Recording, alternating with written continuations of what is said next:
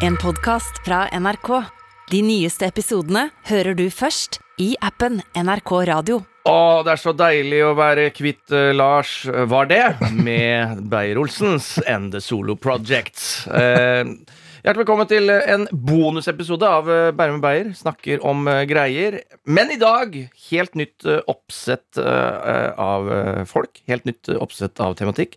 Helt nytt eh, i, Nei, samme gamle studio. Ellers så er det helt likt. Jeg har med meg, trenger ikke å gå rundt grøten, eh, skuespillerlegende eh, Ekornet. Også kjent som Olli Wermskog. Ja.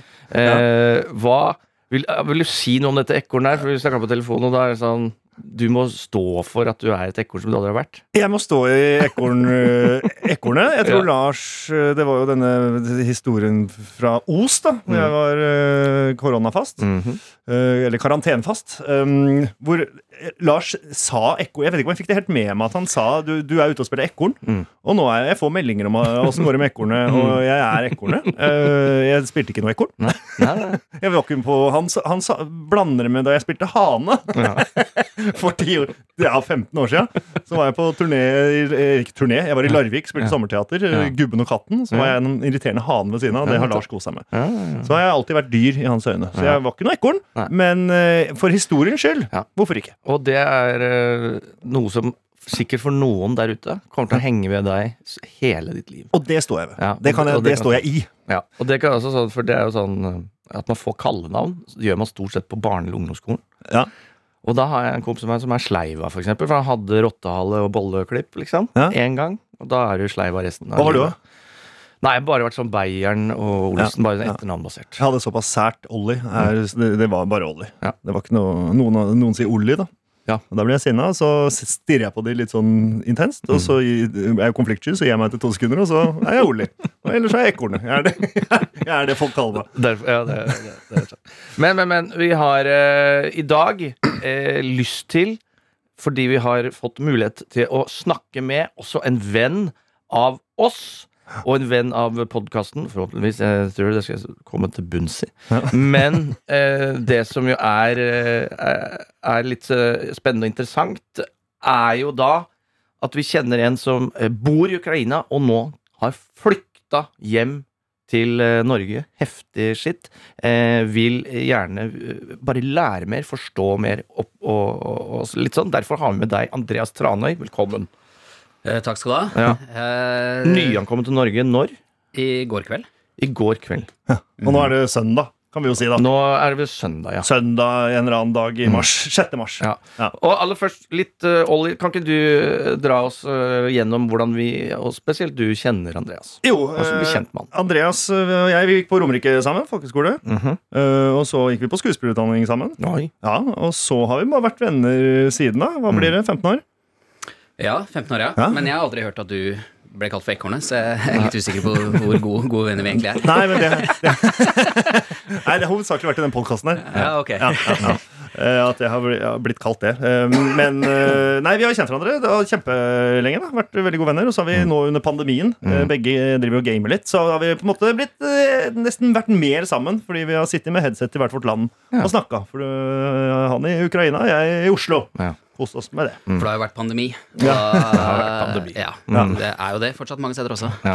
Ja. Og eh, hva, hva gjør du i eh, Ukraina, altså til vanlig? For du er jo da jeg har, jo alltid- Vi har jo stått standup sammen og, og sånne ting. Ja. Og så dro du til Ukraina. Ja, jeg, jeg, For standupen der er jo dritbra. ja, den, jeg har faktisk stått standup i Ukraina også. Har du? Ja, det, det vet jeg ikke egentlig om jeg har sagt. I Ukraina, altså, antar i Ukraina. I Ukraina, Ja. i Kharkiv, Ja. har jeg stått standup. På en eh, pub der sånn. På, på engelsk? Eh, På engelsk, ja. Ja. Det funka ikke i det hele tatt. Nei. Men det gjorde de jo ikke i Oslo heller. Det er derfor jeg bor i, i Ukraina. Men hva kan du si kort om eh, humorbransjen i Ukraina? Er det, er det, folk- er det standup-klubber? Er det Ja, det er det. Humorprogrammer? Sitcom? Ja, massevis. Massevis. Det er det. Eh, Masse, masse humor i, i Ukraina. Ja. Nå er det Jeg vet ikke helt hva jeg kan si om det, fordi jeg eh, forstår ikke helt uh, all deres uh, humor. Nei. eh, og de syns ikke vi er så morsomme heller, tror jeg. Nei. Men, da, for Jeg jeg, er ikke spesielt morsom i Ukraina. jeg var på besøk hos da Andreas for to, to år siden. da I, først Vi møttes i Kiev, og så i da Kharkiv? Kharkiv? Kharkiv? Kharkiv, det er den nest største byen, ikke sant? Ja. eh, i øst der. Og da møtte jeg jo da kjæresten din og, og folk. Og det, du, jeg prøvde liksom å kødde med henne på, eh, på engelsk, da. eh, For det var det vi kommuniserte på. Ja. Um, og, og så dro jeg en eller annen sånn, et eller annet ironi kødda med. Og så mumler Andreas bare i. De skjønner, de, de, skjønner, de skjønner ikke ironi og sarkasme. Nei, Nei. Det, er, eh, det er en greie. Og det var fascinerende, Fordi det er ikke det er jo det er, Jeg skjønner ikke at man ikke kan skjønne Skjønner det? Nei, men det er jo fordi vi aldri, vi aldri sier noe direkte da, i Norge. Så vi Ja. er jo ironiske hele tiden, på en Ja. måte. Og vi, alltid når vi snakker med folk, så går vi rundt grøten. Ja. I Ukraina så sier man det man mener. Ja. Så hvordan skal man plutselig tenke at du er ironisk når du, når du sier noe? Ja. Og, hele, og, og all kommunikasjon er jo veldig direkte. For hvordan er, er ja, Når du sier det Jeg var på restaurant i går, for eksempel. Var jo ting jeg ikke likte der. Jeg Ja. turte jo ikke å si det, selv om eh, faktisk servitøren sa 'hva syns du om dette?' For vi var litt usikre på det. Da turte ikke jeg si noe, men andre sa litt noe på det. Hvis du får noe dårlig på restaurant. Det er et veldig godt eksempel. Ja. Da sier man fra. Ja, du gjør det. Ja, ja, ja, De spør hvordan smakte det. Nei, det var så som så. Det Ja. var helt greit. Ja. Det var eh, Eller det var ikke noe særlig. Å, fy faen, det er beinhardt. Ja, det er det. Og så har du jo den derre Når man skal bestille noe i Norge på restaurant, så er man jo ofte usikker på hvordan man skal få oppmerksomheten til eh, servitøren. Mm. Skal du, skal du stirre litt på dem? Skal du eh, liksom flytte litt på deg? Skal du lukke menyen? Det er, det er så mange sånne koder vi har, da. Men i Ukraina så kan du jo rope 'hei, jente' eller 'hei, gutt' Ja. uh, gjennom hele lokalet. Det er helt ok. Ja. Og så Og det er jo mye bedre, syns jeg. Ja. Hva hvis det er uh, i tvil, da? På jente eller gutt? Ja, da eh, tar du en sjanse. Du en Eller, så, eller så sier du eh, 'hei, person', kanskje. Ja. Hei, person, ja. Hei, person! Ja. to år til.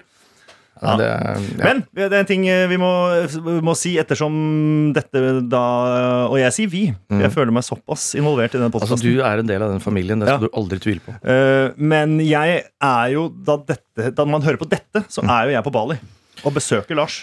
Det er sant, det. Ja, sånn at, For det kan jo være Man kan jo begynne å lure. Ja. Eh, for denne da eh, Jeg på en måte føler meg som en sånn nydelig link i Mm. dag, fordi jeg på er på en måte Lars og ja. kjenner kanskje Andreas, eller kjenner Andreas best. Mm. Og så er jeg på en måte på Bali når dette går. Det er meta, det er opplegg. Det er noe ja, for du prøver å få folk til å skjønne at du ikke sitter her nå Ja, når de hører på dette. Ja, ja. Det er viktig å, å sette det, for i morgen tidlig så flyr jeg. Radio Ja. i opptak. Vi er ikke inne i den boksen du hører på. Vi er ikke i bilen din. Vi er ikke i bilen. Eh, veldig, veldig bra. Men eh, Hvordan, hvordan jeg kom meg til Ukraina, spurte du om. Ja. Det var jeg som spora deg. Ja, ja, det. Var jo, det var jo eh, som mange har tenkt, at eh, hvorfor ikke begynne å selge jeans i, eh, i, i Øst-Ukraina? Ja, ja. Det er jo, Alle har tenkt tanken, Ja. men jeg begynte med det, da. ja. For å, for å se hvordan, hvordan det kunne gå. Og, og det er jo Jeg kan godt se for meg at jeans funker i Øst-Europa. Ja. Det gjør det. For hadde ikke, hadde det, var det mye jeans fra før? Ja, det har alltid vært mye jeans. Hvilket stoff? Topp tre tekstiler Ja, det er joggebukse er nok på topp, tror jeg. Ja, det er det, ja. Det er det jo i Norge nå også, da. Ja. eh, I disse tider. Ja. Men eh, ja, nei, det, de bruker eh, de, de, de, er, de er som oss. Ja, ja, ja. Men da, da, så du driver da altså klesbutikker? Klesbutikk? Butikker. But, flere butikker? Tre butikker, ja. Tre butikker som Mm. selger eh, jeans. Er det, er, er det merkeklær, holdt jeg på å si? Ja, eller skandinaviske merker, da. Er de som har uh, satsa sin på. Hva, hva da? Hvilke merker? da? Dr. Denim, kjenner du til det? Ja. Gabba. Ja. Og uh, flere andre merker. Koster, Copenhagen, Copenhagen? Mm. Og, og, og noen jeg ikke har uh, hørt om der også. Er det fancy merker? Eh, midt på treet. Vanlig, vanlig, vanlig, vanlig fine klær for, eh, eller kule klær for vanlige kule folk. Andreas gikk jo fra å være altså en skuespillerkollega Ja. av meg til å eh, sitte i eh, Milano på sånne private eh, catwalks og velge ut klær. Ja. Og Det, var, Ja. det, var, det husker jeg. Da du, du ringte meg, eller om jeg ringte deg etter, etterpå, og du sa sånn føler jeg var på st- nesten strippeklubb. For det, kom, man, det kommer bare folk Det kommer jo damer, da, og Ja, menn sikkert også, Mm. gående og eh, sånn privatshow. eh, Men da av klær og ikke kropp. Og det jeg, Sjukt opplegg. Ja. Sjukt opplegg. da har du, det, dette er en ny side. Nå Ja. er du i Ukraina og selger klær, og ikke skuespiller her. Hvor er du bor hen, egentlig? Er det, er det da Harkiv? I Harkiv, ja. Ja. Og, men har også bodd i Kiev. Har også bodd i Kiev, ja. Og da må jeg si også sånn, for det, jeg, det er jo dette som også jeg syns er litt sånn Jeg skjønner min egen dumskap. Altså når man Vi har jo sagt Kiev feil hele tida. Jeg fått Jeg posta én greie om- med Kiev, skrevet da på den russiske måten, var det noen som sa. Eh, ikke Kyiv, som man skal da si. Og det, så, ikke da skjønner jeg nesten ingenting. Eh, og finner ut av faen, er det det nest største landet i Europa? Er det, altså sånne ting. Eh, så derfor eh, Bare beklage at man ikke har lært mer om det. At ikke jeg plukka opp det. Så Derfor syns jeg det er veldig fascinerende å, å, å lære litt eh, mer om det. Men også Selvfølgelig så skulle du da tilbake Du skulle til Norge. Når var du skulle hit igjen? Eh, Jeg skulle hit på torsdag, Ja. som, eh, eller altså den torsdagen eh, invasjonen kom. Ja. Og da skulle, da skulle du hjem på ferie, på en måte? Nei, jeg skulle begynne ny jobb mandagen etter. Ja. Så for eh, norsk-ukrainsk handelskammer, for Ja. å jobbe med økt eh, handel mellom Norge og Ukraina. Ja. Så den eh, skulle jeg begynne i tre dager etter at dette skjedde. Ja. Så jeg hadde jo togbillett og flybillett og vekkerklokka på. ja. Men det var selvfølgelig ikke vekkerklokka som vekte meg den natta. Nei. Hva var, det som skjedde da? Nei, det var, det, det var jo da alt starta. Mm. Vi våknet midt på natta av, av raketter. Ja. Av eh, bombardement. Ja. Eh, Nærme, liksom? Ja. Ja. Eh, nærme. Ja, i, I byen? I byen, ja. Sjukt. Eh, Ja, for det er jo da eh, eh, for, Ikke sant, det er nest, eller umulig å kunne liksom uh, ta inn over seg hvordan det faktisk er.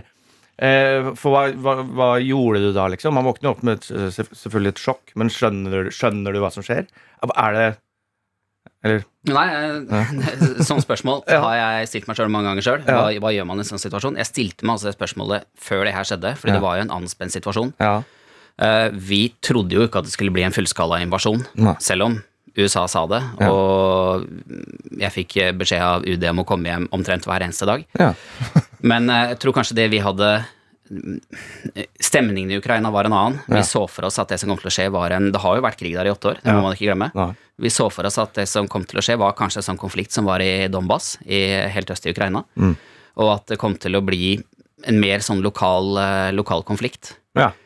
Så, men, så jeg tenkte også at hvis den konflikten kommer Mm. uh, Nå skulle jeg reise uansett, men hvis den konflikten kommer, da må jeg kanskje også komme meg ut, fordi jeg er nordmann. Mm. Uh, for ukrainere så er den, blir den situasjonen litt annerledes.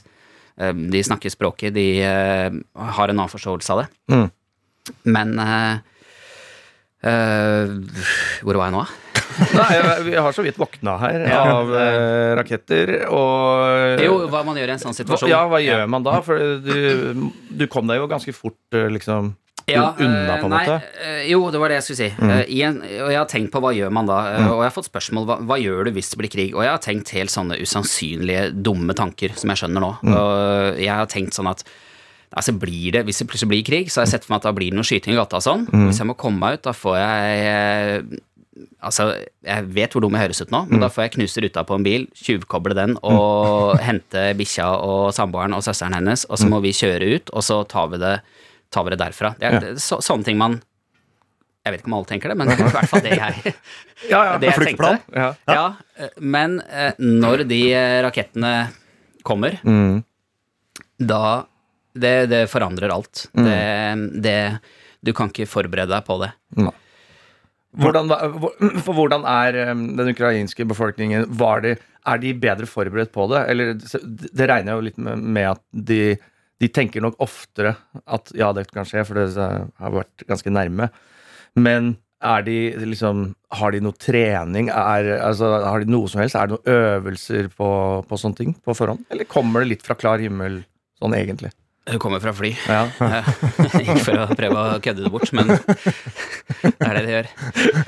ja, men det funker, det. Ja. Eh, Men eh, nei, eh, jeg, du kan ikke forberede deg på det. Det er Nei. det korte svaret. Jeg tror at Har du levd lenge i en, i en konfliktsone, så, så blir du kanskje vant til det. Men det er jo, det er jo helvete Mm. på jord i Harkiv nå. Det er ingen som det er ingen, du, du, Hva skal du gjøre? Hva skal Ja. du gjøre? Du veit ingenting Nei.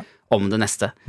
Når de rakettene traff uh, i byen vår, så, så um, så frøys jeg nok litt til å begynne med. Jeg husker ikke helt eh, alt hva jeg tenkte eller hva jeg gjorde da. Eh, jeg frøys, og så ringte jeg min mor og min far og sa at nå, nå er det krig her, sa jeg. Eh, da var klokka fem om morgenen i Ukraina, den var jo da fire her i Norge. Ja. Um, men fortsatt, vi visste ikke hva det var. Vi prøvde å sjekke sosiale medier, vi prøvde å sjekke hva som foregikk. Det sto ingenting. Mm. Eh, og vi, det begynte å tikke inn meldinger av venner som hadde våkna opp, av eh, folk og familie. Hørte dere det også? Har dere sett noe? Hva er det som skjer? Vi visste ikke. Eh, og så gikk jeg i dusjen. Mm. Det er altså en sånn rar ting. Ja. Jeg gikk i dusjen, tok meg en dusj, og så var jeg helt skjelven. Jeg sto i dusjen, helt sånn gelé inn i beina, inni skjelettet. En sånn, en sånn Du bare føler en sånn kulde som går gjennom kroppen, og et sånt slags Det er kanskje det som er et sjokk. Jeg vet ikke om jeg har hatt sjokk tidligere, og jeg har ikke noe å sammenligne med. Og så gikk jeg eh, inn til eh, min samboer igjen, som mm. fortsatt var på soverommet, og så sa jeg til henne at eh, hva, hva gjør vi nå? Um, dere må, vi, vi må kanskje dra alle sammen. Eh, hun sier nei, men vi har ikke fått sånn vaksinasjonsbevis på hunden vår. Uh, det er også sånn som man ikke burde tenkt på akkurat her og da, men som man tenker på likevel. Ja, ja. Og så sier jeg til men kanskje jeg skal bli, da. Eh, og, under det her sånn så er det noen opphold, og så er det flere raketter og bomber, og så er det opphold, og så raketter og bomber. Men likevel så Nei, jeg klarer ikke å forklare hva som går gjennom hodet. Du bare Ja, du bare er der og, og prøver å finne en eller annen løsning. Og så sier jeg til henne at ok, men da kanskje jeg skal bli sammen med deg, da. Og så sier hun også nei, nei, men du har jo nå eh, du, du skal jo på jobb på mandag. Ja. Eh, Helt rart nå. Ja, ja, ja. Du skal på jobb mandag. Du har tog som går nå om eh, en halvtime. Du må ta taxi ned dit. Eh, og så må du ta det flyet. Og så sjekka vi flyplassen i Kharkiv. Den var jo da Altså, luftrommet var stengt. Eh, på Kiev sin flyplass på internett så sto det at alt sammen var åpent. Mhm. Eh, og så bestiller jeg da en taxi, Mm. og så blir vi enige om det at ok, nå, de, kommer, de kommer nå etterpå. Hun skal pakke sakene sine. Jeg hadde jo pakka alt sammen, Mm. så jeg var jo klar for å reise Mhm. Bestiller en taxi ned til flyplassen. Og øh, første jeg legger merke til, er at i Ukraina så er det sånn system hvor du, hvor du kan by på taxien, så den som byr mest, får taxi først. Ja. For øvrig et veldig bra system, syns jeg. Ja, Hvis jeg er villig til å betale ekstra. ja, ja. ja. Uh, og, så, og jeg økte den der innsatsen hele tiden for å få en bil, og endte opp med at taxien kosta ti ganger mer enn normalt. Og da skjønte jeg at nå er det mange som er på vei, eh, på vei ut herfra. Ja. Eh, Stresser ned i bilen, sier ha det til eh, min kjære og hunden vår. Eh, og så er det det rare at folk går i butikken, folk går på tur med dyrene sine, folk står og venter på bussen. Alt er, Vanlig, liksom. alt er vanlig, ja. Ja. Eh, Men taxisjåføren han sitter og røyker inni bilen og sitter og taster med mobilen og ringer rundt og sånne ting, og banner og skriker. Men det er en sånn merkelig sånn ro i det generelle bybildet. Ja. Kommer ned på togstasjonen, der er det også helt ro. Eh, Kommer meg inn på toget, der går de og sjekker billetter og velkommen om bord, og det er annonsering om at det er kafé i vogn nummer tre, og der står folk og kjøper seg pølser og kaffe, og det er ganske vanlig, da. Ja. Så begynner det å tikke inn meldinger eh, om hva det er som er i ferd med å skje. At det er, nå er det krig, det er invasjon. Mm. Jeg får melding om at flyet er eh, innstilt. Toget har allerede begynt å gå. Jeg ringer da UD, som har bedt meg om å komme hjem eh, så mange ganger. Jeg ringer de og sier at ja, nå tenker jeg å komme hjem. Eh, Da føler jeg nesten at jeg får litt kjeft. Ja. Da er det litt sånn herre Ja, hvor er du nå? Nei, jeg er i Harkiv. Og de bare Ja, ok, hva, hva gjør du nå? Ja. Så sier jeg nei, det er derfor jeg ringer, da. Mm. Eh, tenk kanskje kan jeg dra til ambassaden? Jeg ser at flyet mitt er innstilt. Og han sier nei, det er ikke noen ambassade i Kiev nå. Nei. Det er, eh, så sier jeg nei, ok, men hva, hva kan vi gjøre da? Og han sier nei, altså nå kan vi ikke gjøre noe for deg. Det her er, det er nå, Vi har jo prøvd å si det her. Ja. At det her går ikke, og nå blir det krigssone der du er. Ja. Så ja. ja. Og da, altså, da er man on, on, on, on his own. Ja, du er det. Da er du på egen hånd. Ja. Og det aksepterer jeg at man er Ja. i den situasjonen, som så mange andre er nå. Ja. Uh, ja. Og så uh, ja, så, Det var vel cirka da vi Eller vi, vi snakka sammen. Da du var på det toget. Ja. Mellom da jeg våkna. Uh, og ser jo altså, Vi ser sikkert de samme tingene som deg, bare ikke er der. Men at nå er det kaos. Og, For det her er allerede to timer etter at vi våkna av de første Ja. smellene. mm, og du sier du skal til Kiev, og så har jeg jo da en kompis av meg som er journalist eh, og ganske sånn gravende en. mhm. Eh, og han er også en er småbarnsfar, som, som meg sjøl. Mm. Eh, så han var tidlig oppe, så vi begynte å tekste, og han sendte meg absolutt alle mulige linker sånn, på Twitter, og alt som, for han visste at jeg hadde snakka om at Andreas var der. Og sånn Mm, han, var- og han hadde allerede noen dager i forkant sagt sånn Han må ut. ja. Mm. Eh, og så, men så, sa jeg, så videresendte jeg alt jeg fikk, på en måte. Og sånn om hvor det, er, hvor det er trygt og ikke trygt, uten at jeg vet det. Men mm. han kompisen min vet litt, da. Og så skjønte jeg at dere også snakka litt sammen i etterkant. Eller da. Eller jeg vet da. Det, veit jeg ikke. Nei. For du hoppa underveis. Ja, jeg husker ikke helt hvem jeg prata med på det toget selv. Du er, en, du er i en sånn annen tilstand. Og det tar jeg ikke som en fornærmelse. Nei. ja, underveis så skjønte jeg jo at eh, det var dårlig dekning og sånn, men jeg skjønte jo at eh, jeg kan ikke dra til Kiev heller. Eh, så jeg var på en måte midt mellom Kharkiv og, og Kiev. Mm. Og så ringer da en eh, kamerat av meg og sier 'Andreas, hvor er du?' Så sier jeg nei, jeg er på toget på vei til Kiev. Og så sier han han er i Poltava da, som er mellom eh, Kiev og Kharkiv. Eh, med bil, da, og har eh, dratt hjemmefra, han også. Og så sier han eh, Jeg husker ikke hva han sier, men vi blir i hvert fall enige om at jeg må komme av det toget, og at han skal komme og hente meg. Så da går jeg av på, på en stasjon eh, ja, midt ute i ødemarka der, da, Ja. og blir hentet av han. ja. Og setter snuta mot Romania. Eh, ja, da visste vi ikke det heller. Nei. Mm, Alt er fra sekund til sekund, beslutning til eh, beslutning. Eh, Så det første vi begynte å gjøre da, var å sjekke kart på mobiltelefonen. Hvor skal vi kjøre, hvor skal vi komme oss hen? Ja. Eh, Samtidig med det her, så, så Det rare med det er at akkurat der og da, så så er det akkurat som at jeg er i verdens største fare. Min samboer sender meg meldinger og er veldig bekymra for meg. Ja. Jeg er jo veldig bekymra for henne, Mm. som er igjen i Kharkiv. Men den sam litt av den samme mentaliteten som var der før dette skjedde, var fortsatt der da. Om at det er ikke, det er ikke helt krig enda, men det kan være farlig på veiene, det kan være farlig å bevege seg og sånne ting. Mm. Eh, men vi sjekker kart, begynner å kjøre, begynner å få oppdateringer fra hvor det er angrep, hvor det er smell og eksplosjoner, og begynner å, å unngå store byer. Eh, på veien er det politikontroller, det er militærkontroller. De setter opp sånne mm, midlertidige barrikader. Ja. Du vet ikke helt hva du møter på, og om det er, eh, det er mange holdt på å si, i vanlige klær med våpen som er langs veiene. Du vet ikke om dette er ukrainere, er det type heimevernet, eller er det russere. Du, du vet ikke. Men du, smeller det rundt dere på den turen òg? det smeller ikke rundt oss på den turen, det gjør det Nei. ikke. Eh, så, så det er mer det bildet av det, det kommer kolonner med holdt på å si, militærbiler, altså, Ja. ja. Så Jeg så det på Instagram. Det er sånn, eller det er sånn du, du har sett, men du ikke har noe altså man har, Eller jeg har null forhold til det. Når jeg så du la ut par av de greiene på Snap eller Insta, eller hvor du la det ut, at du liksom kjører, eh, kjører bil, filmer ut på sida, og der er det bare militærvogn på militærvogn på altså Jeg vet ikke hva det heter engang, for jeg har ikke noe Nei, Det var ikke tankser, men det var alt mulig rart. på en måte Mm. Og det er bare sånn Det er, er fortsatt, selv om det er en, hva da, 10-12-11 dager siden det starta, og det føles jo faen meg ut som en evighet siden, uh, til og med i Norge. Oh, ja, ja, ja. Uh, Men det er bare Det er sært da å ha en god, god venn som sitter der, og så er det bare sånn Det her, det her skjer. Og det her skjønner jeg det er, Nei. Det er, for, for, oss andre så føles det nesten som om det var i går.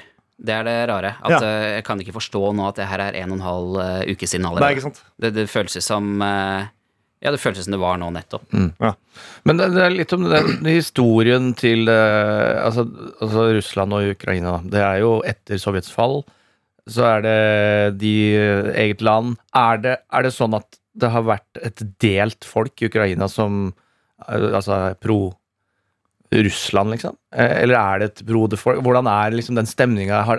Jeg, jeg skjønner ikke helt det. Nei. Hva kan du si om det? Eh, Det, er litt vanskelig å svare på. Fordi, Ja. For det første fordi jeg ikke kan eh, svare på vegne av eh, alle i Ukraina. Ja. Men min oppfatning av det da, Ja. er at uh, det misforstås litt, dette med hva som er å være pro-russisk eller pro-EU eller pro-USA. Uh, hvis jeg spør deg, Martin, er du, er du pro-Sverige, eksempel? Mm. Nei. Nei. Rett, jeg skal bli mer direkte. Er det, er det, et, land, er det et land du er pro? Eh, Jeg er veldig pro Sverige, faktisk. Ja, er veldig Ja, pro Sverige, jeg er faktisk veldig pro Sverige. Men det betyr jo ikke at du har lyst til å bli angrepet av Sverige? Nei. Nei. Uh, Overhodet ikke, for jeg er eh, norsk og bor i dette landet, som vi bygger opp. Uh, men jeg vil ha et godt forhold til Sverige. Ja, og det, akkurat det jeg tror veldig mange ukrainere også vil. Ja. Og det er det som gjør situasjonen vanskelig. Og jeg, jeg kan bli litt sånn irritert når jeg hører at, øh, at øh, Eller når jeg ser at folk skriver at nei, men nå må du huske at det har vært et delt folk og sånn. Ja. Det spiller ingen rolle om du er altså, f- f- Poenget er jo at folk har familie i Russland, de har Ja. familie i Ukraina, de har familie i Georgia. men det betyr jo ikke at du har lyst til å bli angrepet og leve i en konfliktsone. Nei. Og så er det vel, det kommer vel mer og mer fram at dette er myndighetene. Altså Det er ikke det russiske folket som eh, står bak det her. Det er jo en, en gal, gal, gal mann som eh, ja, ja, skal gjøre sitt forhåpentlig siste uh, trekk. Mm. uh, sånn jeg ser det. Jeg, min teori er at han har fått en uh, Han er dødsdømt. Han har seks uker igjen å leve. Han skal bare gjøre et eller annet. Det er min takk. Han ser jo, Jeg har jo gått på denne, et kortisonpreparat, Ja. for jeg har så nok allergier og sånn. Ja. Og da fikk jeg vann i kroppen. Ja. Og i ansiktet spesielt. Mm. Og jeg syns jeg kjenner igjen et kortisontryne når jeg ser det. Ja, Og jeg syns han har det litt. Så det er helt enig Det, det er vrient. Ja. Altså, det blir jo bare altså, konspirasjonsteorier. Og, men, men det kan jo være spennende. At han går på noe kortison, ja. Ja, det, Det det har han gjort siden barnsben av. Ja. Jeg tror han fikk det inn med morsmelka. Ja. Og ren kortison. ja, men det er noe hvis, Men du har ikke kjent på noe behov for å øh, gjøre overgrep mot andre folk, selv om du går på kortison? Eh, Nei, det har jeg ikke. Så, eh, sånn sett så er det ikke sammenlignbart. Men hvis han, har en, hvis han er en eh, Eller han er jo en eh, Det er noe som er klikk. Ja, ja, Og da, hvis han da i tillegg har fått en, en eller annen La oss si han har fått uhelbredelig kreft, for å bare si en diagnose. En sykdom. Så kan det jo For han da være et eller annet sånn ja, Fuck it. Da går jeg ut med Da gjør jeg dette, da. Eller syfilis, som Hitler hadde. Ja, det, Just saying. Nei, men, eh, men eh, det er jo da Hvor lang er denne turen deres? Altså på vei ut av landet? Hvor, I, hvor lenge sitter de i bil? Hvordan er det? For det stopper hele tiden. Ja, eller eh, vi vi, eh, vi eh, stopper jo på disse kontrollpostene, Ja. eh, og vi er nervøse hele tiden for om, om byen blir stengt, om Ja. vi kommer oss til neste by. Du er nervøs for eh, bensin, Mm. eh, hvor du skal fylle. Det er jo køer overalt. Mm. Eh, kanskje ikke nervøs er riktig, men du sitter og prøver å planlegge dette hele tiden. Altså, Mm. Ruta forandrer seg hele tiden. Ja. Vi endte opp vel med å sitte i bil i 40 timer, og hadde tilbakelagt 110, eh, 110 mil da, på de 40 timene. og sov. Hvor mange av de timene sov du? Ingen av de. Nei. Kjø- men er det, er det eh, Det var bensinstasjoner sånn hele veien. Var det noe problem noe sted med mat, drikke, bensin, sånne ting? Eh, ja, så når vi kjørte og butikkene var tomme allerede. Ja. Så når du stoppet i en landsby for å kjøpe mat, så var det tomt. Ja. Det var eh, så eh, Det var I den landsbyen vi var i, så var det var tomt. Det, det, ser, det, det går så fort. du ser, det er helt raka. Så det var Vi fikk tak i et brød Mm. og vann. Det var det vi fikk eh, tak i. En sånn eh, bod som noen hadde satt opp. Og, øh, ja, for er det, de som står på, er det folk som øh, står, på, står i veikanten med ting og enten selge eller gi bort? Altså så Var det noen som gjorde det langs veien også? Nei, det så vi ikke, Nei. det så vi ikke noe, ikke noe av. Det, altså, det er, Ukraina er jo et enormt land, Ja. og det er mye jorder og mye Sånn som det er i Norge, at du, det er bare vei og jorder. Mm. Deler av det. Så det, det var tomt, bare. Og så kommer det endelig til en by, og der er det raka. Mm. Og politi som kjører rundt og, med ropert, da. Og Mm. ber folk komme seg i dekning, eller ber folk eh, ta vare på seg sjøl. Ja, for det er det også, det, øh, også et aspekt av det. det må jo, noen må jo si fra hva man skal gjøre, den kommunikasjonen der. Og det er jo da, øh, ja, tydeligvis, altså manuelt arbeid. Stikk. Eller gjem dere, liksom. Det blir jo det. Og Ja. så er det så uoversiktlig situasjon, så hver gang vi kom til en eh, kontrollpost, så spør jo vi Så spurte jo vi er det er det trygt her. Og da fikk vi til svar at det er trygt De vet at det er trygt den neste kilometeren, eller fem kilometerne f.eks., Mm. men etter det kan de ikke si noen ting. Nei. Nei. Det er en, sp en, sp en, spennende, en spennende reise å, dra på. Men- Faen, det høres jo helt eh, vilt ut. Det, ja, men, er, men fordi du sa at dere skifter rute, hva var Altså sånn, var det sånn Nei, dere, vi kjører dit, vi må snu eh, og kjøre tilbake fordi vi må Var det sånne ting også? Ja, eksempel at du kjører Vi kjørte jo fra en by som heter Cherkasy til eh, Venezia, Ja. og så har du kanskje ikke internett på to timer. Nei. Og når du begynner å nærme deg den byen, så oppdaterer du, og så ser du ok, der er det, der er det bombing nå. Ja. Da kan vi ikke kjøre dit. Da må vi finne neste by. Eh, og så kjører du mot en annen landsby, og så ser du at der er det f.eks. Uh, veldig lang kø med biler som prøver å komme inn, og da tenker vi er den byen kanskje stengt. Ja. Uh, og sånn foregår det hele tiden. Da. Ja. Så, så den reisen skulle jo tatt mm, kanskje 11-12 timer, men den tok jo 40. Ja. Eh, Nå skal jeg også si at 14 av de var på grensa til Romania. da. Ja, ikke sant, for når du kommer dit, hva skjer da? Vi kjørte først ned til Moldova, Ja. og så kjørte vi langs uh, grensa uh, til Moldova. Ja. Vi tenkte at det var tryggere. At uh, det, det kommer ikke noen raketter der, tenkte vi. Fordi det er så nærme Nato og EU-land. Mm. Så, så vi snirkla oss langs eh, holdt på å si, på sånne merkelige traktorveier og eh, jorder Ja. eh, der nede, og bare holdt oss nærme grensa. Ja. Og så kom vi da til, endelig til Romania. Mm. Nei, unnskyld, til grenseovergangen. Ja. Når vi kom inn i køen, vi kom jo da inn fra en sånn traktorvei, så vi, køen var meldt at den var seks kilometer lang. Vi Mm. kom inn når det bare var to kilometer igjen.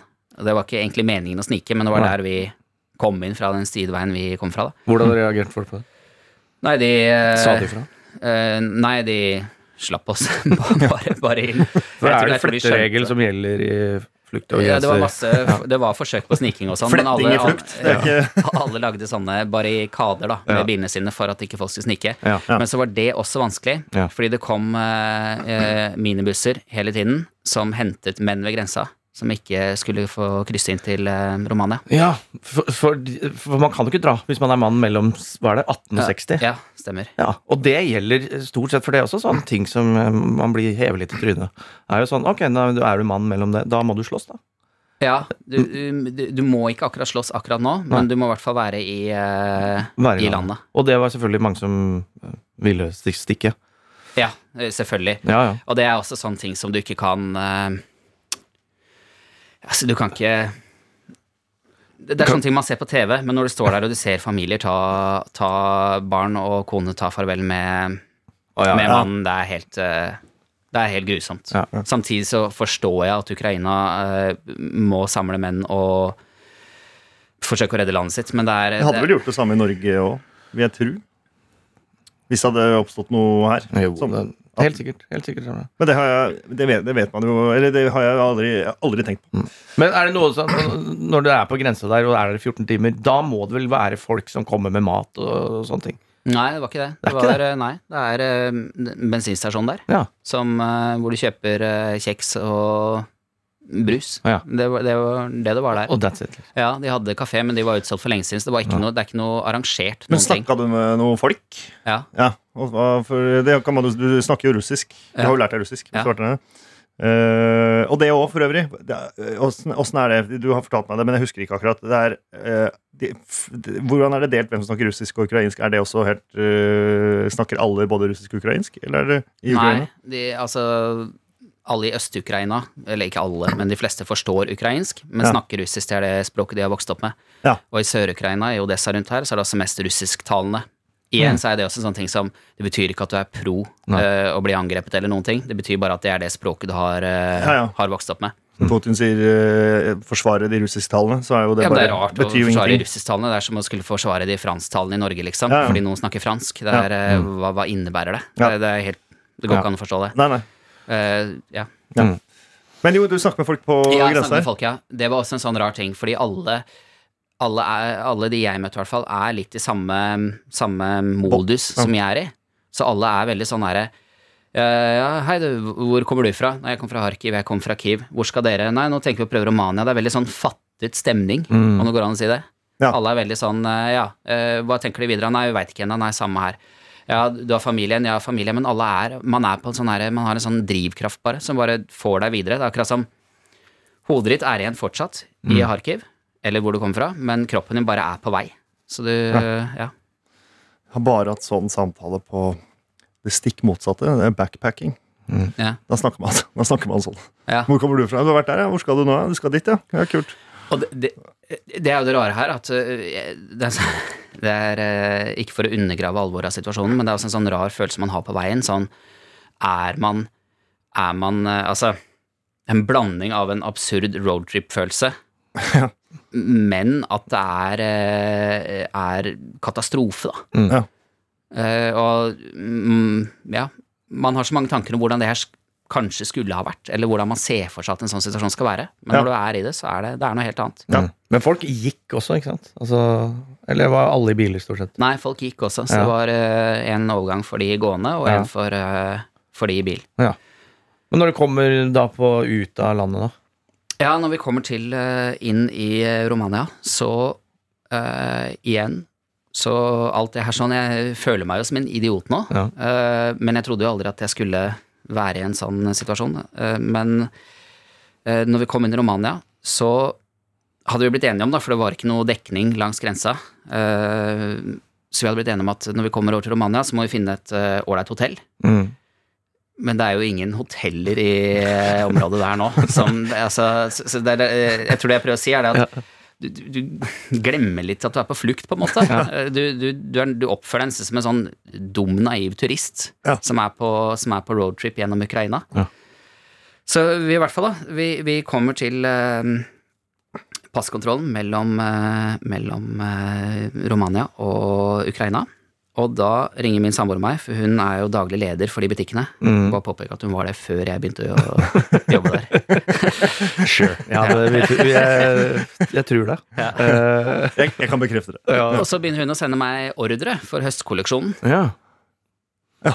Det er også en sånn uh, rar, uh, rar situasjon. Ja. Eh, hun sier at Andreas, kanskje vi overlever det her. Mm. Kanskje Vi vet ikke om alt Det her er fortsatt bare dag eller ja, Det er 36 timer etterpå, da. Mm.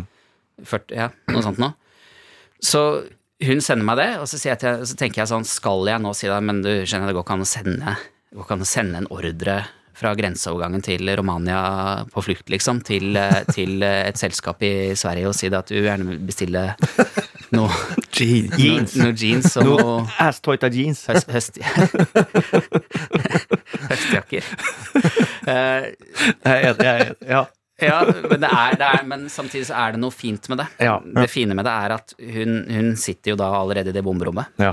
eh, og har et håp. Ja. Eh, og jeg tenker at det er veldig viktig at Mm. vi har et håp. Mm. Alle våre medarbeidere har også et håp fortsatt om at vi skal eh, fortsette til, til høsten. Ja, ja. Ja. Veit du åssen det er med de butikkene nå? Nei, jeg vet ikke. Nei. Uh, ja, Mm. så, og så kommer vi inn i Romania. Der er det flust av folk. Mm. Når vi skjønner at ikke det er noe hoteller eller noen ting, så tenker jeg nå må vi finne type Flyktninghjelpen eller Røde Kors og Mm. høre hva vi gjør, eller noen norske, norske telt. Mm. Men det er det heller ikke. Det er, eh, det er bare en folkemengde på kanskje 250 mennesker som står der ute med lue og skjerf og jakke. Ja. Og så har vi med oss, når vi kjørte fra Kharkiv, så hadde vi hele tiden den tanken om skal vi stoppe i en kontrollpost, eller skal vi bare sette klampen i bånn og kjøre forbi? Ja. For du vet ikke hva det er, hva det er, hvem det er som stopper deg, hva de vil. Eh, I Romania så hadde vi også litt den tanken, Ja.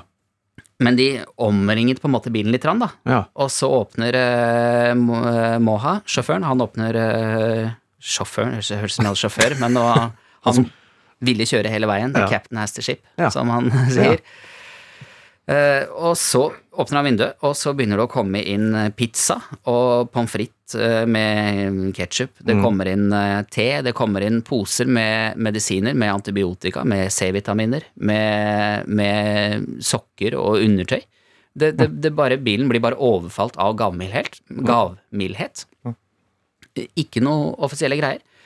Og så begynner de å spørre hvor kommer dere fra, hva har dere opplevd, går det bra med dere, eh, og sånne ting. Og så sier de, spør de oss hva, hva er planen deres nå, sier vi nei, vi hadde jeg tror til og sa det, vi hadde egentlig tenkt å prøve å finne et hotell, og de bare det kan dere bare glemme. Ja. Har dere ikke fått inn enda, det er krig, liksom. Ja.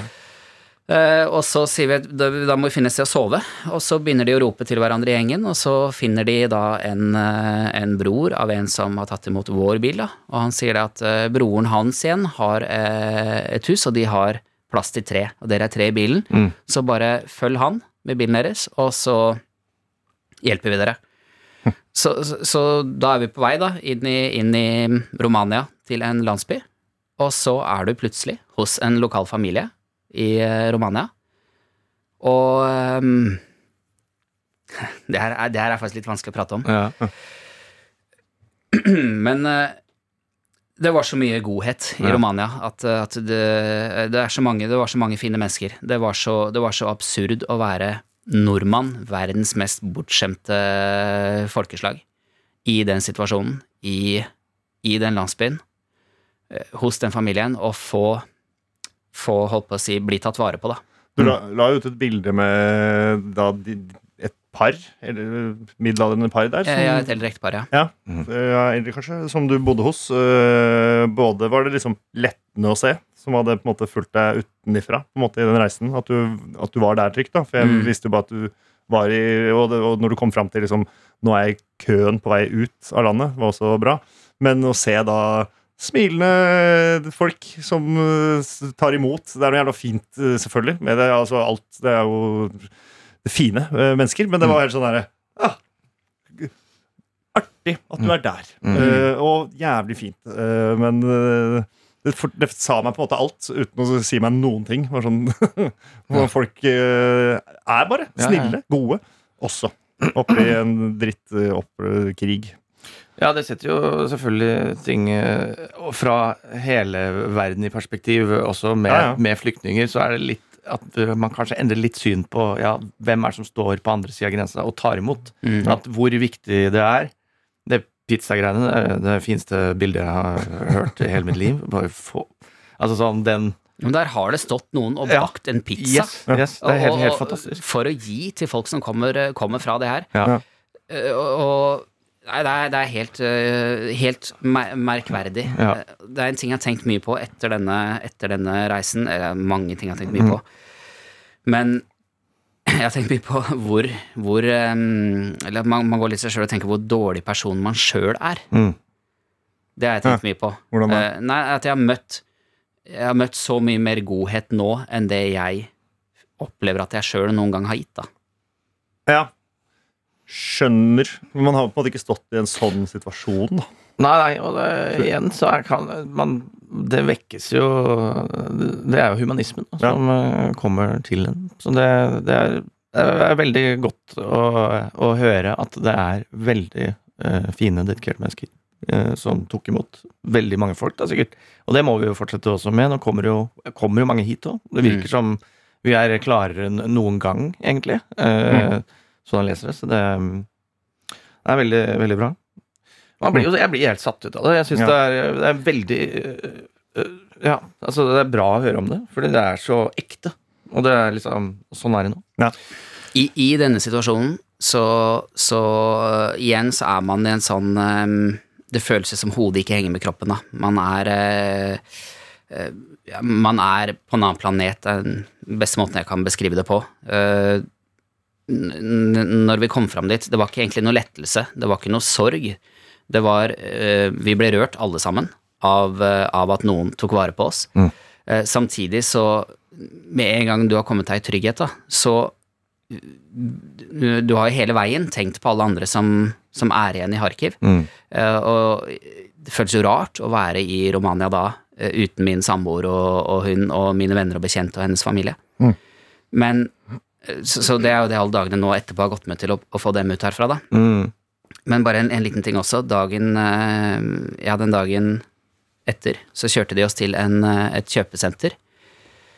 Og så skulle vi prøve å ta ut penger. Mm. Uh, og så klarte jeg å glemme igjen kortet mitt i, i minibanken.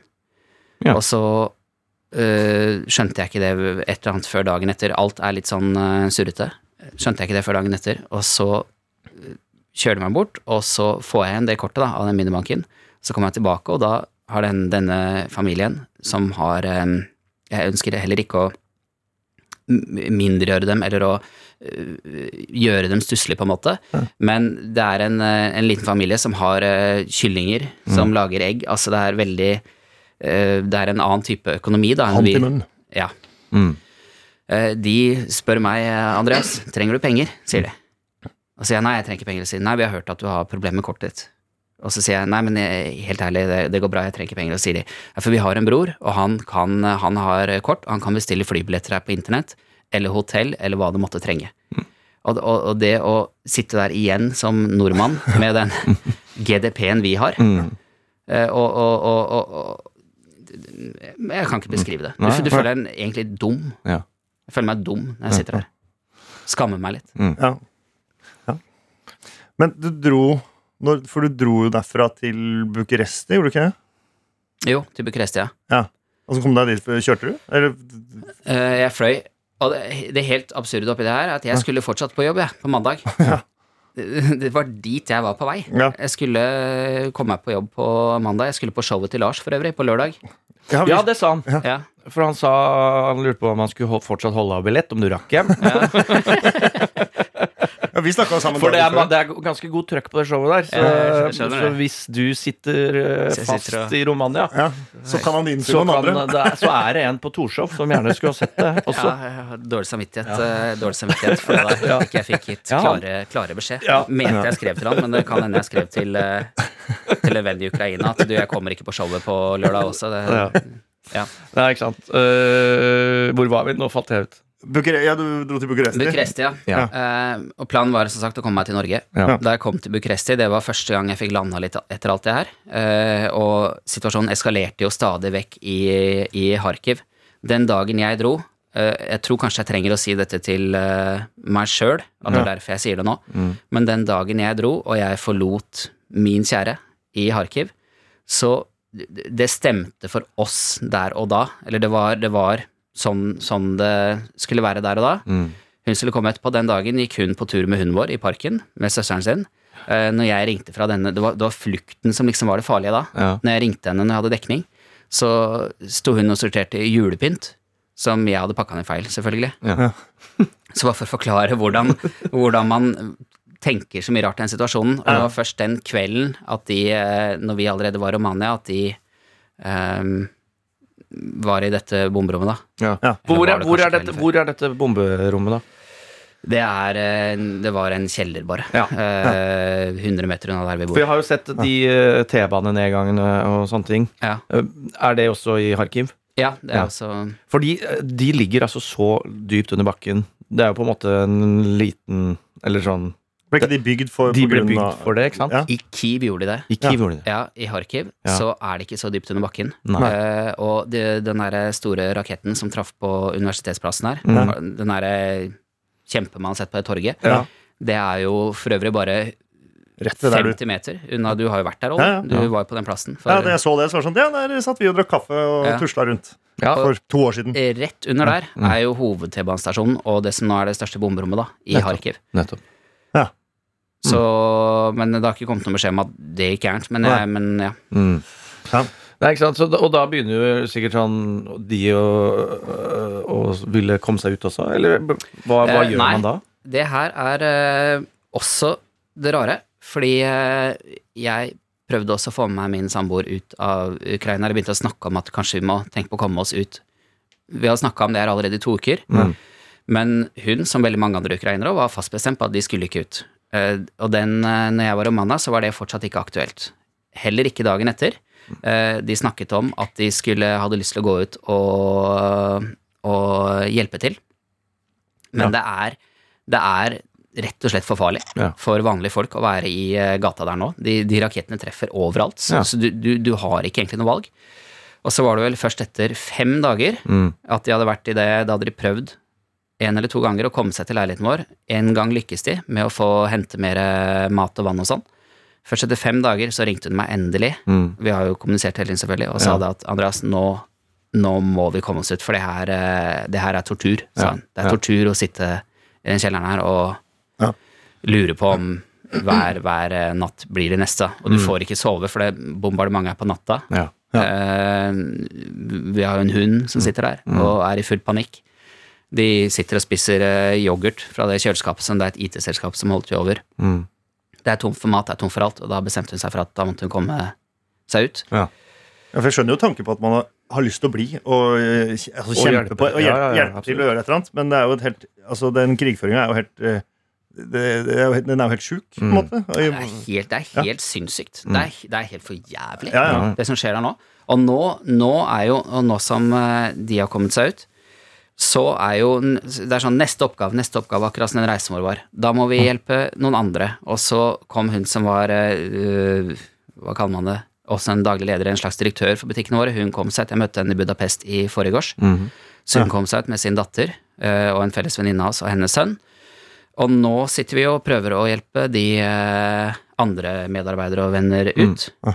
Eh, men det, det blir bare farligere og farligere og farligere. Og nå er det jo De har de der lommene hvor de sier 'nå kan dere rømme', som de driter i og bomber likevel. Ja, de ja. Ja. ja. Nei, det er, det er sjukt. Men hun har kommet seg ut, da. I hvert fall. Altså din kjæreste. Og Ja, jeg hentet dem på, eller møtte dem på grensen med, mellom Ungarn og Ukraina. Ja. Ja. kjæresten, Jeg- ja. hennes søster og, og bikkje. Og bikkja. Bikkja kom hjem. Bikkja kom hjem. Er i Norge. Ja. Det er Hun er- fantastisk. Ja, hun er i karantene nå på Nei. Jo. Jo, det er kanskje vanlig, det. At Ja, hun de er- det er ikke pandemi. rabies og- Ja, Nei, nei, nei. Her nå, Jeg var litt snufsete og forkjøla. Ja, var det? Så- nettopp, nettopp. Men uh, har du begynt i ny jobb, eller åssen er det? Jeg? Mm. Nei, det ble utsatt. det ble så, utsatt, så, jeg, så jeg begynner i morgen, faktisk. Ja, det gjør det. Eh, og Hvordan det, tror du hvordan, altså sånn, Det er som Selvfølgelig, ingen vet uh, hvordan det er, blir videre, men du begynner i ny jobb, livet på en måte Altså sånn, det går jo videre, men Mm. eh, Jeg vet ikke hvilket spørsmål jeg har engang, men altså sånn Eh, altså, Jeg, jeg, jeg synes det er altså sånn, Hvordan tenker man om det videre nå? Altså sånn, skal man til, Hva tenker du Dere skal tilbake, selvfølgelig, med en gang. Eller skal dere aldri det? Hva tenker Ukraina om, om det? Har du noen tanker om det? Ja, jeg tror jeg tror alle altså Jeg tror til og med noen uh, Altså Mange ønsker nå å forlate Harkiv, f.eks. eksempel Mm. fordi det er for farlig å være der. Fordi uh, du, du veit ikke om bygningen din, uh, den du bor i, er trygg eller ikke. Mm. Eh, eh, så, så mange tør ikke å forlate nå. Eh, Men jeg tror veldig mange av de som forlater, de har bare lyst til å komme seg tilbake igjen så fort som mulig. Ja. Ja.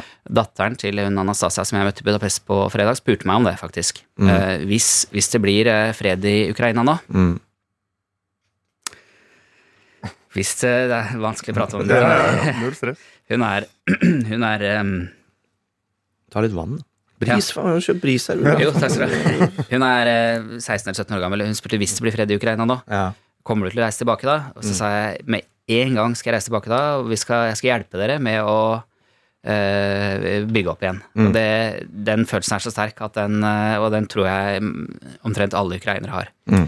Ja. Uh, og, og bare det å se hvor mye det betydde for henne òg, Mm. at ikke Ukraina er eh, helt forlatt. Mm. Uh, jeg har, ser også det hvor mye det betyr for våre venner og bekjente, all den støtten som er fra det internasjonale samfunnet nå. Mm. Det alle helst ville hatt, er jo noen raketter andre veien, Mm. som eh, stoppa, stoppa den eh, driten som skyter mot dem. Mm. Men eh, det, alt som på en måte er varme i retning av Ukraina Jeg ser hvor mye det betyr for folk, da. Ja, ja. Ja. ja, absolutt. Det jeg har aldri sett en mobilisering så, så kjapp og så kraftig. Så det, og det, kommer, det er jo utvikling på det hver eneste dag, så det får vi bare følge med på. En Ja. som en, altså, som også da har kommet veldig, er jo presidenten. Altså, hva, hva kan du si om han fra før uh, Igjen, så er det bare eneste jeg har hørt om han, er at han var komiker. Nå er en komiker som er president. Ja. Det er det eneste jeg liksom har visst om det. Ja. Han, hva, hvem er han? Han, er, han var jo komiker. Ja. Han var uh, Skuespiller òg, ikke Eh, jo. Ja. Han var litt sånn her eh, Ukrainas Thomas Giertsen, hvis det går an å si det. Det Jeg an kunne, jeg kunne sagt Martin Beyer-Olsen også. Jeg foretrekker å si Thomas Giertsen. I krig så ville jeg Nei, jeg veit ikke om jeg heller satser på Thomas Giertsen heller. Vet du hva, der er vi jevnbyrdige. Ja. Like ræva. Men ja, altså, men så han var en stor, kjent komiker, liksom? Ja, og det var ikke egentlig kjendisgreier jeg tenkte på nå. Det var mer med at han var, eh, han var eh, også holdt på å si en slags eh, filmstjerne. Han er vel ikke Thomas Giertsen, det spiller ingen rolle. Glem, han, glem han i det eller? Han spilte i en serie hvor han spilte president. Ja, og kanskje derfor jeg tok den sammenligningen. Ja. Thomas har sin serie, hvor han ikke, han er ikke akkurat president der, da. Men Nei. han, eh, Han spiller seg sjøl. ja, Ja, dette, var på et litt, litt mer eh, platonisk nivå, eller hva det heter. Ja. Uh, ja, han er jo en skuespiller og komiker som ble populær på grunn av det. Mm. Han var jo også, ble jo også en sånn slags representasjon av, eh, av vestlig mentalitet, kanskje, hvis man kan si det. Ja. Eh, mange som har vært uenige med han og brukt, eh, håpet sitt tenkt at vi har en klovn som president. Jeg tror han har jo virkelig fått motbevist nå. Ja. Eh, han. alle som én. Mm. Ja. Eh, Det er, det, er jo, det er jo en president fra en actionfilm, spør Ja. meg. Det er jo sånn eh, Die Hard-president. Han gjør jo alt som du, har- du har lyst at han skal gjøre. på en måte Han Ja, ja. står midt uti der med vester og øh, snakker og er jo eller Nå skjønner jeg jo ikke hva han sier, men det som blir tekst, da. Han har jo en god både retorikk og Veldig. Og man skjønner på en måte at øh, Det er litt sånn som Jens Stoltenberg også var her uh, 22. juli-tida, og sånn, hvor trygg han var på en måte for veldig mange. Mm. Og f- flink leder. Mm. Så, så ikke i rein sammenligning, men litt. Så oppleves jo han litt på en lik måte. At folk får veldig mye sånn Og tillit. ganger Og, 100 millioner Ja, ja. eh, også. Men, men, han- men han var godt, alltid vært godt likt? Eller som du sier, han Ja, han fikk vel hva han fikk 73-74% av stemmene. Er det såpass, ja? Ja, og det var jo ved altså, demokratiske eh, valg. Ja, ja, ja. Og det ble vel observert også det valget, òg. det var ikke noe muffins der. for han ble valgt mens du bodde her, ble det ikke? Jo, Ja. stemmer. Og etterpå det der, da, har, er det sånn også han har gjort er det, Har det vært noe annet fokus enn si Altså krim, altså de greiene? Har, er det noe som En utvikling, da? Ja, Som han, han, har eh, på en måte stått bak? Han har jobba mye med å digitalisere Ukraina. Ja. Mm. Det er jo en sånn veldig stor forandring. Det har jo alltid vært mye byråkrati, mye vanskeligheter med dokumenter og sånne ting. Mm. Eh, Med digitaliseringen, med holdt på å si vaksiner, at du har vaksinepass på telefonen, at du har skattekort på telefonen, alle de tingene der. Så Ja. han, han har gjort veldig mye riktig for Ukraina, da. Ja. Og fortsetter å gjøre. Ja. Eh, absolutt. absolutt. Ja. Eh, Planen framover? Plan framover, ja.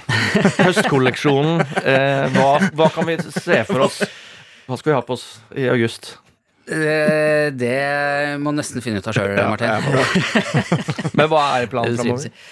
Eh, planen framover nå er å Det er ikke ferdig, det her. Nei. Det er eh, Jeg sitter kanskje og høres lettbeint ut og, Mm. og, og virker som at nå har jeg på en måte Nå er jeg eh, fiksa, men det Mm. er derfor Altså ja, jeg er i trygghet, og min nærmeste er i trygghet, men det er, det er et helvete i Mm. Ukraina fortsatt. Det er, nå handler det om å hjelpe de som er igjen. Mm. Så det er det jeg skal jobbe med i Norsk Ukrainsk Handelskammer. Å hjelpe og få penger i riktig retning til eh, organisasjoner vi kjenner der nede. Ja. For de, Hvis, hvis man, det, altså sånn, har du noe formening? Nå er det mange steder man kan sende penger til. Mm. Hva, vet du, er det noe bedre enn noe andre? Det har jeg ikke, nei. det har jeg dessverre ikke oversikt over. Alle, Da er det bare å få Ja. skippa mest mulig penger eh, Ja. nedover, i hvert fall. Men så vidt jeg forstår, så er det, det, er, det er penger de trenger nå. Ja. Banksystemet funker fortsatt. Ja. De kan fortsatt betale med kort på butikker og sånn, så lenge de har varer, da. Ja. De kan fortsatt, de trenger å kjøpe seg kanskje flybilletter, kanskje Mm. sted hvis de kommer seg til Europa. Så det er penger folk trenger. Ja. Der har jeg også lest det at folk booker Airbnb-leiligheter bare for å gi penger til folk som leier ut leilighetene sine. Selv om man ikke skal dit. Og i Ukraina, I Ukraina, ja. Så hvis du så, her har du den der godheten igjen. Ja, ja, ja. Så det går an å da leie seg en leilighet i Kiev, som noen eier. Selvfølgelig Det dra. ut Ja, ja, Det det- en kjempegod idé. Og da skal selvfølgelig Airbnb ha sin del av det, Ja. men uh... Og, og det, gir også, det gir også litt sånn jeg tenkte i utgangspunktet det er en kjempegod idé, og det er det jo. ja. Men man vet jo også at mange av de som eier leiligheter som de kan leie ut til Ukraina, Ja. kanskje ikke er de som mest trenger penger. Nei, det er også, også sant. Jeg vil jo gjerne si en fordel med Norsk Ukrainsk Handelskammer, som jeg nå skal jobbe for, så dermed er jeg jo biased. Ja. Men Ja. de har jo jobba med uh, business mellom Norge og Ukraina Mm. i mange, mange år. Så det er et av de stedene jeg mener at eh, det er veldig fornuftig hvis man ønsker å sende penger, Fordi da Ja. vet man at det går direkte til organisasjoner som er eh, Det går ikke bare inn i et system, da, men det, er, det går direkte til eh, folk vi vet om, som hjelper med å kjøre folk fra Hente folk i leilighetene, kjøre dem til Eller i bomrommene, kjøre dem til togstasjoner. Mm. Hjelper andre selskaper som nå får inn mat og hjelpeutstyr, sånne ting. Ja. Tenk de folka der, da. som Kjører rundt i de byene nå. Mm. Det er Ja, helt, det er, det er helt, eh, det er, det er helt sjukt. Ja, absolutt. absolutt. Så Eh, du, skulle, du, du skulle egentlig jobbe med øh, Den jobben skulle egentlig være altså all type handel? ja, all type handel, turisme, alt Ja. mulig. Men alt er jo, alt er jo snudd på hodet nå. Ja. Hm. Sprøtt. Ja, jeg, men jeg går jo tom for eh, ting å si. Jeg, jeg, vi vi runder timen nå. Ja. Eh, så jeg syns jo det Og, det, jeg, og jeg skal jo, om ikke så altfor lenge, uh, gå og ta en PCR-test. Fordi Ja. jeg skal til tullete nok til Bali oppi dette her. ja. så, så du har det litt travelt nå. Ja, jeg, jeg har det litt travelt fordi jeg skal på ferie. Ja. Eh, Og, og det er jo litt sånn Det er jo derfor det Og vi eh, Altså, ting som høres lettbeint ut eh, i en alvorlig situasjon, blir jo eh, altså, Sånn er verden. Sånn er Det er veldig mye kontraster. Altså, det er ikke noe sånn Hvis noen har blitt støtt av noe vi har sagt nå, så er det selvfølgelig ikke meningen, men det tror jeg ingen har blitt heller. Kontekst er gitt. Ja. Eh, alvorlighetsgraden skjønner vi. Mm. Eh, jeg syns det har vært helt eh, veldig fint og, og viktig å høre din story, som er én av nå halvannen million mennesker som er på flukt derfra. Mm. Uh, and rising. Så jeg tenker at jeg har i hvert fall satt en støkk i meg. Mm. Skjønner mer. og det er bra. Uh, det er bare bra, Ja. fordi Jesus, mann, som du sier, man er jo dum. Altså. Dum og er privilegert. Ja, dum og privilegert, ja. Ja, ja. Og det er, eh, bare si det, det er enda jævligere Mm. i Ukraina nå enn det folk kan forestille seg. Eh, Ja, jeg tror det ja, et, et, et, klarer, ja, Bare de tingene du har sagt, vi har jo snakka litt sammen, er jo helt umulig å Altså, Man tror man skjønner, men Ja. man skjønner ikke. Og det skjønner jeg ikke. Bare mens vi sitter her nå, så har jeg fått sju eller åtte meldinger av folk som gjerne vil ha hjelp til å komme seg ut av uh, Ukraina. Ja, ikke sant? Det er uh, veldig sykt, men tusen hjertelig takk, Andreas, for at du valgte å altså, var med å dele. Takk for at jeg får lov til å fortelle. Og, og jeg gleder meg til vi sammen skal ned og stå standup eh, i, eh, i Kharkiv.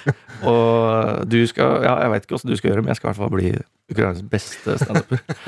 har, har jeg ti sekunder til å forklare litt om den standup-episoden jeg hadde her, sånn, eller? Ja.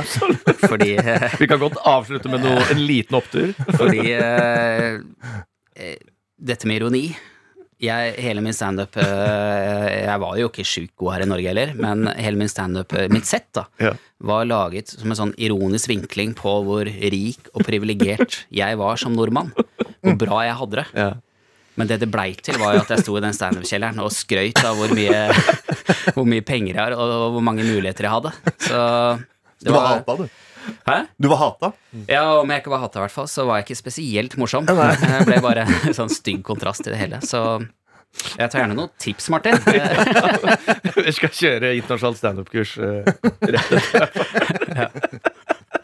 Det er veldig bra. Tusen hjertelig takk, eh, Andreas. Eh, og ja, hva sier vi? Vi føler med og følger med. Takk. Du har hørt en podkast fra NRK. De nyeste episodene hører du først i appen NRK Radio.